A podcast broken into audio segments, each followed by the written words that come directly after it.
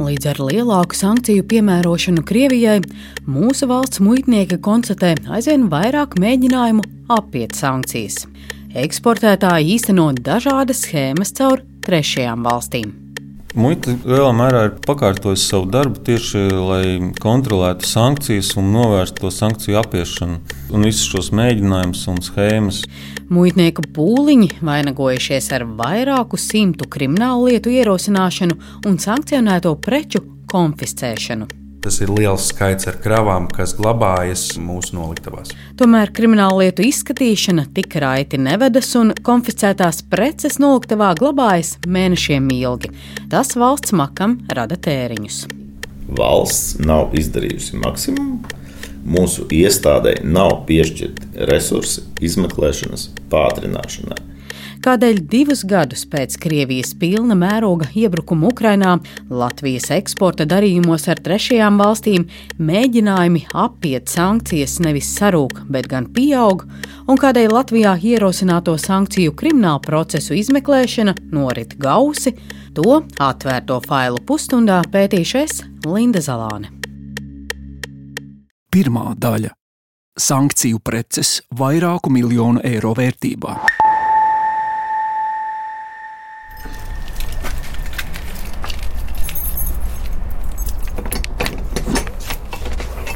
Šobrīd mēs esam vienā no aģentūras apkurināmajām noliktavām, kurā tiek Kopā ar nodrošinājuma valsts aģentūras resursu pārvaldes vadītāju Jāni Nebaru dodos apskatīt noliktaves Rīgā, kur uzglabā lietiskos pierādījumus, jeb krimināla lietās konfiscētās mantas, arī sankciju lietās. Šeit ir temperatūras režīms, tad šī ir dārgāka noliktava. Un šeit glabājas mantas, kuras nedrīkst sasalt. Lauvas tiesa no šeit esošajām precēm ir pakļautas sankcijām. Tātad tās nedrīkst izvest un ievest Krievijā patiešo, kā arī izmantojot apkārtceļus caur trešajām valstīm. Un arī šeit mēs redzam, ka noliktavas piepildījums ir, ir pietiekami liels. Tukšums ir acīm redzami, ir kāda no lietām ir aizgājusi projām, bet vieta tukša nepaliek diezgan drīz būs iekšā nākamais process. Jānis Nebars stāsta, ka Rīgā ir divas noliktavas, bet tās ir samērā nelielas, jo lielākā daļa sankciju lietās izņemtās preces glabājas noliktavās Latgalē, Ludzā un Rēzeknē. Šajā gadījumā sankciju preces ir šeit, kas ir durvis, koka durvis un furnitūra. Tad ir kokskaida, kokskaida plāksnes, šeit ir mēbeļu sagataves, Tātad papīra ruļļi, kas ir arī izaicinājums, jo viņi ir tiešām smagi un viņi ir jāspēj pārkraut un sakraut, nesabojājot. Tās paletēs kaut kas, kas tas tās kaut kāds saka. Tas ir skaidu plāksnes. Tas ir skaidu plāksnes. Arī sankcija. Ja? Šī arī sankcija, kurām arī loģiski viņas nevar samirkt. Un, jo mūsu uzdevums ir maksimāli saglabāt uh, mantas lai pēc tam pēc iespējas labāk realizētu. Šeit pēc smaržas kaut kādu laku jūtu. Lakas krāsas, arī granulas. Gan Centrālās statistikas pārvaldes, gan valsts ieņēmumu dienesta muitas pārvaldes eksporta dati uz trešajām valstīm rāda, ka kopš sankciju ieviešanas pret Krieviju ir strauji pieaudzis mehānismu, to ierīču, kā arī elektroiekārtu eksports vai noliktavās glabājas preces arī no šīs kategorijas. Šādas preces ir bijušas, bet tas noteikti nav top produkts. Viņš stāsta, ka eksporta darījumos sankciju pārkāpumi šo preču kategorijā atklāti samērā maz. Sankciju krimināllietās un konfiscētajās kravās līderos ir koksnes produkcijas izstrādājumi, metāla izstrādājumi, kā arī ķīmija, lakas un papīrs. Kopumā sankcijām pakļauto preču apjoms, kas glabājas noliktavās, ir iespaidīgs. 23. gadā mūsu aplēse ir, ka pārņemtas sankciju preces ir 4000 kubikmetru apmērā, vai tas varētu būt aptuveni 1620 tonnas. Tad, nu, tas ir liels skaits ar kravām, kas glabājas mūsu noliktavās.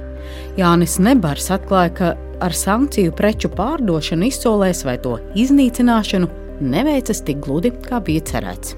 22. gada nogalē un 23. gada sākumā bija sarunas ar citām institūcijām un procesa virzītājiem, ka preču aprite būs relatīvi ātra. Tātad sankcionētās mantas tiks realizētas. Šī funkcija bija jāveic nodrošinājuma valsts aģentūrai. Bet, diemžēl, gaidas neizrādījās tik pamatotas, un joprojām lielākā daļa sankcijām pakļauto mantu turpina glabāties aģentūras telpās, tātad, kas rada papildus, protams, spiedienu uz mūsu noliktavu kapacitāti. Līdz šim izsolēs ir pārdota viena desmitā daļa no izņemtajām kravām, un aģentūra ieguvusi nedaudz vairāk nekā 60 tūkstošus eiro. Nu, kopējā vērtība noliktavās reizinām vismaz ar 100, nu, tad iegūsim rezultātu. Un skaidrs, ka preču, preču vērtība aģentūrā noteikti ir vairāku miljonu eiro vērtība. Otrā daļa. Tas rada nepareizu priekšstatu.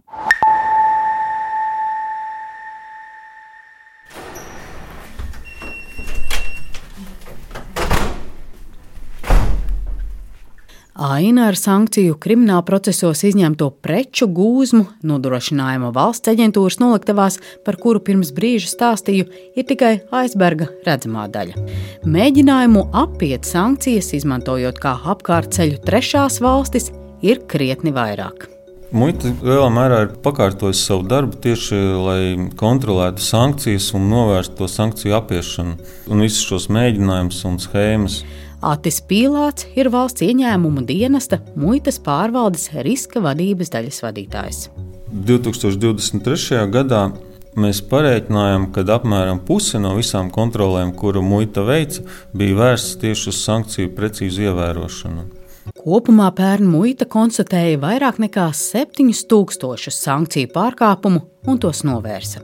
Tas nozīmē, ka preces nelaida pāri robežai un sūtīja atpakaļ. Savukārt, ja muitnieka pārkāpumā saskata noziedzīga nodarījuma pazīmes, par ko draud krimināla atbildība, tad lieta tālāk nonāk vidu nodokļu un muitas policijas pārvaldei. 2023. gadā šādā veidā bija uzsākti 155 krimināla procesi. Tas pat ir par dažiem desmitiem krimināllietu vairāk nekā gadu iepriekš. Kopumā vidi kopš sankciju ieviešanas ir sācis vairāk nekā 250 kriminālu procesu par sankciju pret Krieviju un Baltkrieviju pārkāpšanu. Muitnieki apkopojuši arī top preces, kuras figurē sankciju apiešanas mēģinājumos. Galu galā ir elektroierīces, iekārtas, tur dažādas virpas, mērītāji, darbmašīnas, trešajā vietā ir transporta līdzekļu rezerves daļas, metāla izstrādājumi un arī luksus preces. Un visos sankciju apiešanas scenārijos ceļš ir viens - trešās valstis, kas turpina tirzniecību ar Krieviju. Tiek norādīta valsts, uz kuras sankcijas neatiecās, taču preces faktiski tur nenonāk, vai arī viņas nonāk un tālāk tiek reeksportētas uz Krieviju. Jautāju Hatim Pīlātam, kura no trešajām valstīm izvirzās priekšplānā eksporta apjoma pieauguma ziņā. Tas, ko mēs redzam uz šīm bijušajām NVS valstīm, Kazahstāna ir lielākā daļa, Pēdējos divos gados eksporta apjoms uz NVS, jeb Neatkarīgo valstu sadraudzības valsti Kazahstānu, pieauga vairākas reizes. 2022. gadā Latvijas eksporta apjoms uz šo valsti veidoja gandrīz 150 miljonus eiro. 23. gadā tas pieaugums ir pa 96% klāt jau nācis. Kirgistānā ir otrs lielākais pieaugums, kas ir reģistrēts salīdzinot 22. gadu, kad bija 30 miljonu eiro vērtībā preces izvestas, tad 2023. gadā mēs redzam jau 120 miljonus eiro vērtībā. Tātad eksports ir palielinājies gandrīz par četrām reizēm. Eksporta kāpuma ziņā pēc Kirgistānas seko Azerbaidžāna, Uzbekistāna un Moldova. Līdzīga aina arī paversijā analizē, kā pieaudzis eksporta darījumu apjoms uz citām Āzijas valstīm. Piemēram, uz Turciju pērn bija kāpums par 10%, bet uz apvienotiem Arābu Emirātiem pat par vairāk nekā pusi. Vienīgo sarukumu pagājušā gadā varēja novērot eksportā uz Ķīnu un Serbiju. Par tām NVS valstīm runājot, mēs redzam, ka Gandrīz pilnīgi visās valstīs, kur šis pieaugums ir vērojams, mēs redzam divas preču grupas lielās. Tas ir mehāniskās ierīces un mehānismi, un elektroierīces un elektropreces. Daļa no šīm precēm ir sankciju sarakstā. Ātis Pīlāts apstiprina, ja analizē eksporta datus, tad var saskatīt šādu likumsakarību. Proti, visstraujāko eksporta pieaugumu uz NVS valstīm var redzēt tieši tām produktu grupām, kurās pārdošanas apjomi Krievijai noteikto sankciju dēļ ir visvairāk sarukuši. Viņš gan piebilst, ka jāņem vērā kāds svarīgs faktors. Eksporta darījumos uz trešajām valstīm Latvijas uzņēmumi un pie mums ražotās preces nedominē. Tas rada to nepareizo priekšstatu, jā, kad Latvijas uzņēmumi ir tie, kas veido to sankciju apiešanas piegāžu ķēdes, to tipoloģiju vispār, bet uh, bieži vien tā nav. Un tie ir Eiropas uh, gan nosūtītāji, gan Eiropās vai visas citas citā pasaulē ražotas preces, kuras tikai iz, caur Latvijas teritoriju geogrāfiski pamet šo Eiropas teritoriju. Eksporta rādītājus uz trešajām valstīm lūdzu komentēt arī Latvijas bankas ekonomistam Matīsam Mirošņikovam. Arī viņš sliecas domāt, ka lauvas tiesu eksporta pieaugumu uz trešajām valstīm veido reeksports. Ja runāt tieši par luksus precēm, kur arī var vērot pieaugumu, tad, ja tur ir runa par tieši alkoholiskiem produktiem, tad nu, tur var diezgan liela varbūtība pateikt, ka tie visi ir ārvalstu ražojumi. Ja, piemēram, šampanieti nav Latvijā iespējams saražot. Tie ir mm -hmm. geogrāfisks cilns, tur, tur aizsargāta tā geogrāfiskā cilma un attiecīgi. Skaidrs, ka tas ir reeksports un visticamāk arī tāds sadzīves tehniski gadījumā. Bet par citām precēm, nu, piemēram, ja tie par tiem pašiem rūtariem runājam, nu, tos jau gan Latvijā arī varētu ražot. Viņš stāsta, ka eksporta pieaugumu uz trešajām valstīm nevar vērtēt tikai un vienīgi kā sankciju apiešanas schēmu. Nu, pilnīgi noteikti, ka tas simtprocentīgi nav tikai sankciju apiešanas mēģinājums. Tāpēc, ka var arī redzēt pieaugumu precēm, kuras nav sankcijām pakļautas. Pilnīgi iespējams, ka uzņēmējiem ir vieglāk pielāgoties, pārkārtoties uz kādu valsti, kas ir tuvāk Krievijai, nekā meklēt pavisam citu eksporta tirgu. Tomēr mani interesē proporcija. Cik lielu daļu eksporta īpatsvarā uz trešajām valstīm veido Latvijā reģistrēti uzņēmumi, un cik daudz ir citu Eiropas Savienības valstu komersanti, kas mūsu valsti izmanto kā reeksporta vai tranzīta ceļu. Pēc mana lūguma vidu muitas pārvalde apkopoja datus par vairāk nekā desmit eksporta galamērķiem, gan NVS, gan citām Āzijas zemēm, uz kurām pēdējos divos gados kopš sankciju noteikšanas var redzēt eksporta pieaugumu. Pēc datu aplūkošanas secinu, ka tikai eksportā uz Kazahstānu un Kirgistānu Latvijas uzņēmumi veido mazāko daļu no kopējās eksporta vērtības. Savukārt darījumos ar Azerbaidžānu un Armēniju mūsu valsts uzņēmumi nodrošina aptuveni 60 līdz 70%, bet uz pārējām trešajām valstīm pašmāju komersantu īpatsvars kopējā eksporta vērtībā tomēr veidoja nospiedošo vairākumu.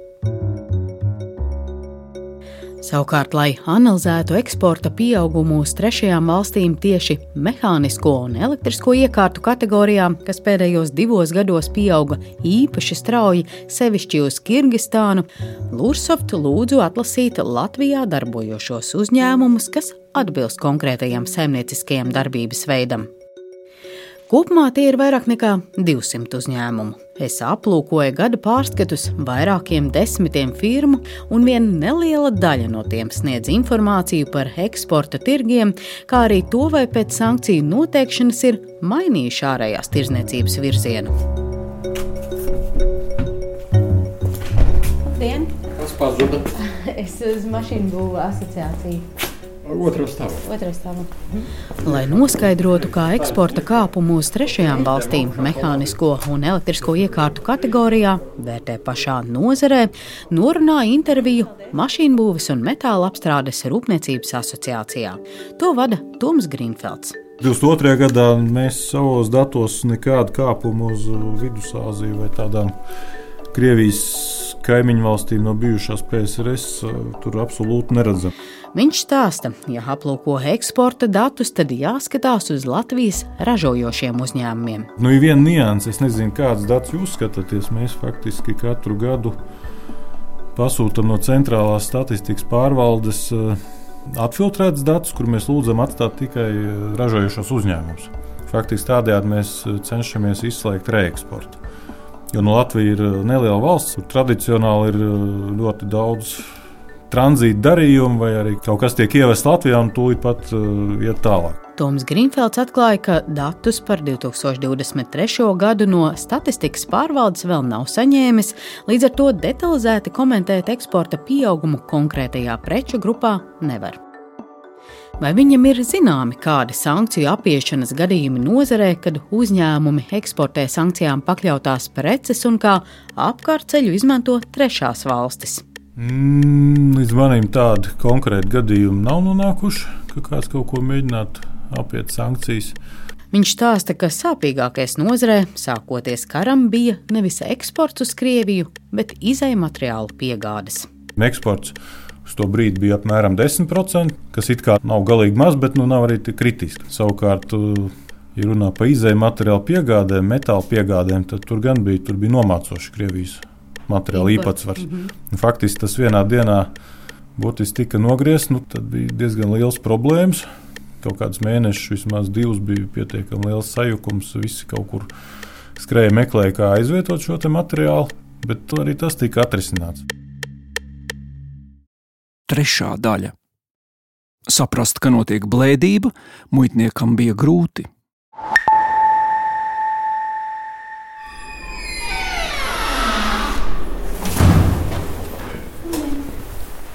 Linda Zalāna no Latvijas radio zinkaru.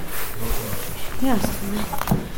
Lai noskaidrotu, kādēļ no vairākiem simtiem vidas sāktajiem krimināla procesiem par sankciju pārkāpumiem līdz tiesai nonākusi pavisam niecīga daļa, esmu ieradusies prokuratūrā. Šīs 270 krimināllietas ir izaugušas, nu, varētu runāt jau par tūkstošu gadiem, kas ir pētīti. Prokurors Salvis skaistais stāsta, ka tiesas spriedums pieņemts ļoti maz krimināllietās. Tas skaitlis uz šo brīdi nav liels, kur panākts kāds krimināla tiesisko attiecību noregulējums. Uz šo brīdi, man liekas, aptuveni desmit krimināla procesiem.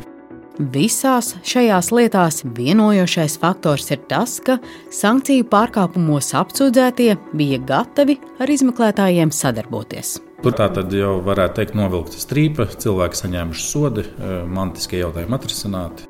Ja mēs runājam par tipoloģijām, tad faktiski šeit ir visi gadījumi. Šeit ir gan imports, šeit ir gan eksports. Šeit var būt arī tranzīta jautājumi. Uz trešajām valstīm nu, tātad tie apiešanas gadījumi var būt vis visādi. Tātad izdomā gan ir dubultā grāmatvedība, gan tranzīts te var būt. Jautāja prokuroram, vai mazāk nekā desmit lietas, kurās panākts kāds tiesisks iznākums, ir daudz vai maz. Gribētos vairāk. Kas ja, ir šķērslis? Tad, kur ir panākti ātrākie noregulējumi, tad tie ir saistīti ar Latvijas uzņēmējiem. Tad tie ir pieejami šeit uz vietas, kā mēs saprotam, taipus robežai, kas ir Krievijas Federācija un Baltkrievijas Republika. Tur nekāda sadarbība nenotiek.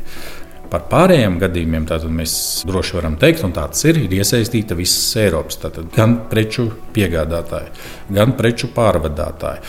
Deklarētāji varbūt arī vēl kaut kur ir saistīti te uz vietas kaut kādā veidā. Tas nozīmē, ka izmeklēšanas gaitā ir jāsadarbojas ar citu Eiropas Savienības un arī trešo valstu tiesību sargājošām iestādēm, kas nenorit ātri. Tas ir vairāku mēnešu jautājums. Salvis skaistais atklāja, ka sākotnēji tieši tranzīta lietas izmeklēt bija visgrūtāk. Ja jau cilvēks deklarē, ka viņš sūta prom, tad ir vienīgais muitas iestāžu izveicība un saprāšana, ka tiešām tas tā nav. Tagad mēs pēc statistikas saprotam, tātad, ka ir notikusi blēdība. Bet uh, tajā brīdī, tajā, kaut vai piesaucam 2022. gada sākuma mēnešus, saprast to, ka tagad notiek tā blēdība, tam muitniekam laikam jau bija grūti. Un arī sadarbība. Uzzināt ātri, vai tiešām Kazahstānā ir tāds uzņēmums vispār, un vai viņš vispār ar to kaut ko nodarbojas. Tomēr viņš ir pārliecināts, ka arī pārējās sankciju krimināllietās, kuras mērāmas vairākos simtos, agrāk vai vēlāk tiesisko regulējumu panāks. Ja mēs tā vispār uz šo izmeklēšanu skatāmies, tad jau šie darboņi vai šie cilvēki, kuri iespējams izdara sankciju pārkāpumu, viņi jau sāk saņemt kādu sodu. Tas nozīmē, ka tiek eh, konfiscēta jau šī prece vai nauda tiek iesaldēta, kuru mēģināja norēķināties par eh, tātad, sankciju apiešanu. Ceturtā daļa. Valsts nav izdarījusi maksimumu. Sveiki! Sveicināti! Andrzejs! Linda! Patīkami! ārlietu ministrijā tiekos ar valsts sekretāra vietnieku Andžeju Viljumsonu. Ministrija analizējusi tirzniecības datus, lai saprastu, cik no pieaugušās pārobežu tirzniecības uz trešajām valstīm ir leģitīma tirzniecības diversifikācija un cik mēģinājumi apiet sankcijas. Cik daudz tā ir jaunu tirgu meklēšana un cik daudz sankciju apiešana. Tā noteikti pateikt šobrīd procentuāli ir grūti, jo, nu, lai to pateikt, vajadzētu mums bezmazliet arī Krievijas galā būt kādam informācijas avotam. Viņš ir pārliecināts, ka zināma apjoma sankciju apiešana caur trešajām valstīm notiek pavisam noteikti. Vai tā ir um, ar valsts ziņu un līdzdalību vismaz kaut kādā konkrēta valstu gadījumā, centrālās valstu gadījumā, mums ir šaubas. Gribētos ticēt šo valdību apgalvojumiem, ka viņi dara visu, lai sankcijas netiktu apietas. Bet viņām trūkst arī kapacitātes izkontrolēt visu, kas notiek viņu tirzniecībā ar Krieviju. Jāņem vērā, ka viņiem ir Eirāzijas Savienībā brīvā tirzniecība. Līdz ar to nu, diezgan ticam, ka viņi ne visu spēj izkontrolēt. Tomēr kontrolas trūkums trešajās valstīs, lai caur tām nenotiktu sankciju apiešana, nav vienīgais klupšanas akmens. Arī pašā Eiropas Savienībā klibo vienoti noteikumi sankciju pārkāpumu kontrolē un sodu piemērošanā. Lielākā daļa Eiropas Savienības dalību valstu sankciju apiešana nav kriminalizēta, tā ir administratīvs sods. Nu, līdz ar to mazāks risks. Šo jautājumu mēs aktīvi virzījām Eiropas Savienības dienas kārtībā, un uh, gada beigās šķiet jau ir pieņemta regula, kas nosaka, ka sankciju apiešana visā Eiropas Savienības teritorijā būs krimināla sodā. Viljamsons gan piebilst, ka tas būs aicinājums, nevis obligāta prasība. Otrs kontrols mehānisms saistīts ar preču grupu paplašināšanu, ko nedrīkst caur Krieviju sūtīt tranzītā, lai samazinātu iespēju, ka preces paliek Krievijas teritorijā. Tas nozīmē, ka sākot no šī gada marta Eiropas Savienības eksportētājiem ar preču saņēmēju trešajās valstīs būs jāparaksta līgums, kurā saņēmējs apliecina, ka šīs preces tālāk neaizies Krievijai. Sankciju pasaulē ir tāda vispār pieņemta sapratne, ka pilnībā visu izkontrolēt nav iespējams. Teiksim, tas, kas uz Krieviju un Baltkrieviju iet, jā, tur viss simtprocentīgi tiek kontrolēts. Bet tas, kas iet visur citur pasaulē, nu, to, to var izdarīt tikai izlases kārtībā. Latvija mēģina arī panākt, lai visā Eiropas Savienībā būtu totāls aizliegums eksportēt uz Krieviju un Baltkrieviju preces ar dubultu pielietojamību. Latvija šādu lēmumu pieņēma jau no pirmajām kara dienām.